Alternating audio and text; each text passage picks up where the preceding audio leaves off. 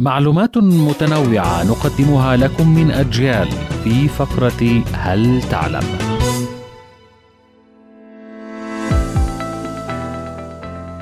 إحدى المعلومات المشهورة والتي تستحق الاهتمام حسب العلماء والخبراء هي أن لون الشمس ليس حقيقيا أصفر بل هو أبيض وذلك لأن الشمس تنتج ضوءا أبيض اللون ولكن عندما يمر هذا الضوء عبر طبقات الجو يتم تشتيت الألوان بشكل مختلف وينتج عن ذلك أن نرى الشمس باللون الأصفر أو البرتقالي عند الغروب والشروق.